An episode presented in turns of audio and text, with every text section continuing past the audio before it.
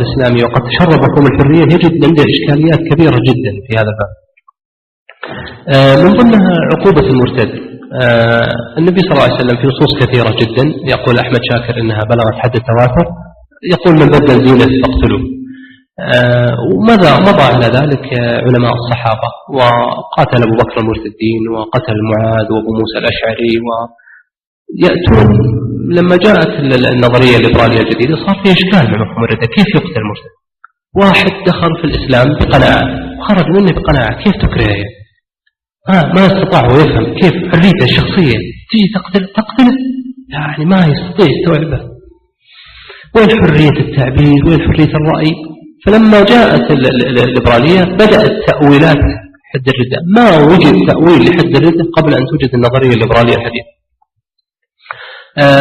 حاولوا أن يدخلوا ذلك من خلال عدة يعني مداخل. من ضمنها مثلا أن عمر بن الخطاب له يعني رأيت ثلاثة آثار في أثرين فيها أقر قتل المرتد. في أثر قال لو سجنتوه واستتبتوه سكت. فأخذوا الأثر هذا وقالوا عمر يرى أنه يستتاب ويسجن فقط ما يقتل. طيب والأثرين الثانية اللي صرح فيها عمر أنه يقتل يتركونها فأصلا هو يبحث عن أي نص أو تأويل وافق الفكر الغربي. أيضا مقولة نقلت عن النخعي أنه قال يستتاب أبدا. طيب حملوها. طبعا هناك من أخطأ في فهم حمل كلام النخعي من أئمة العلماء لكن ما رجحوا قول النخعي ولكن أخطأوا فهم في فهمه فقط. أن النخعي قال يستتاب أبدا.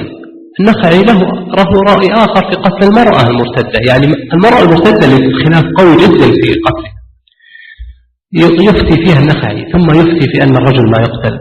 وإنما مقصود النخعي في مسألة أخرى وهي من تكررت منه الردة هل يستتاب؟ قال النخعي يستتاب أبدا يعني كل مرتد يستتاب.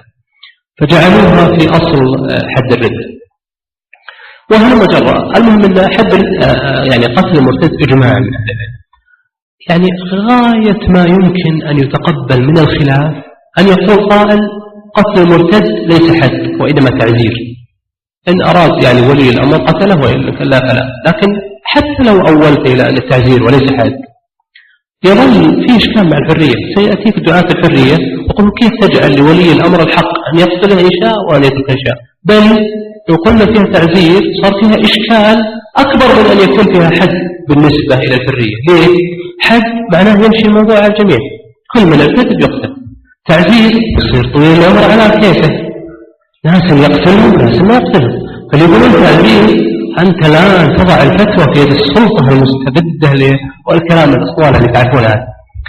فالقول بأن حد يعني قتل المرتد تعزير هذا في إشكال أكبر يعني على أصول من يدافعون عن مفهوم الحرية في نفس التحديدات الغربية.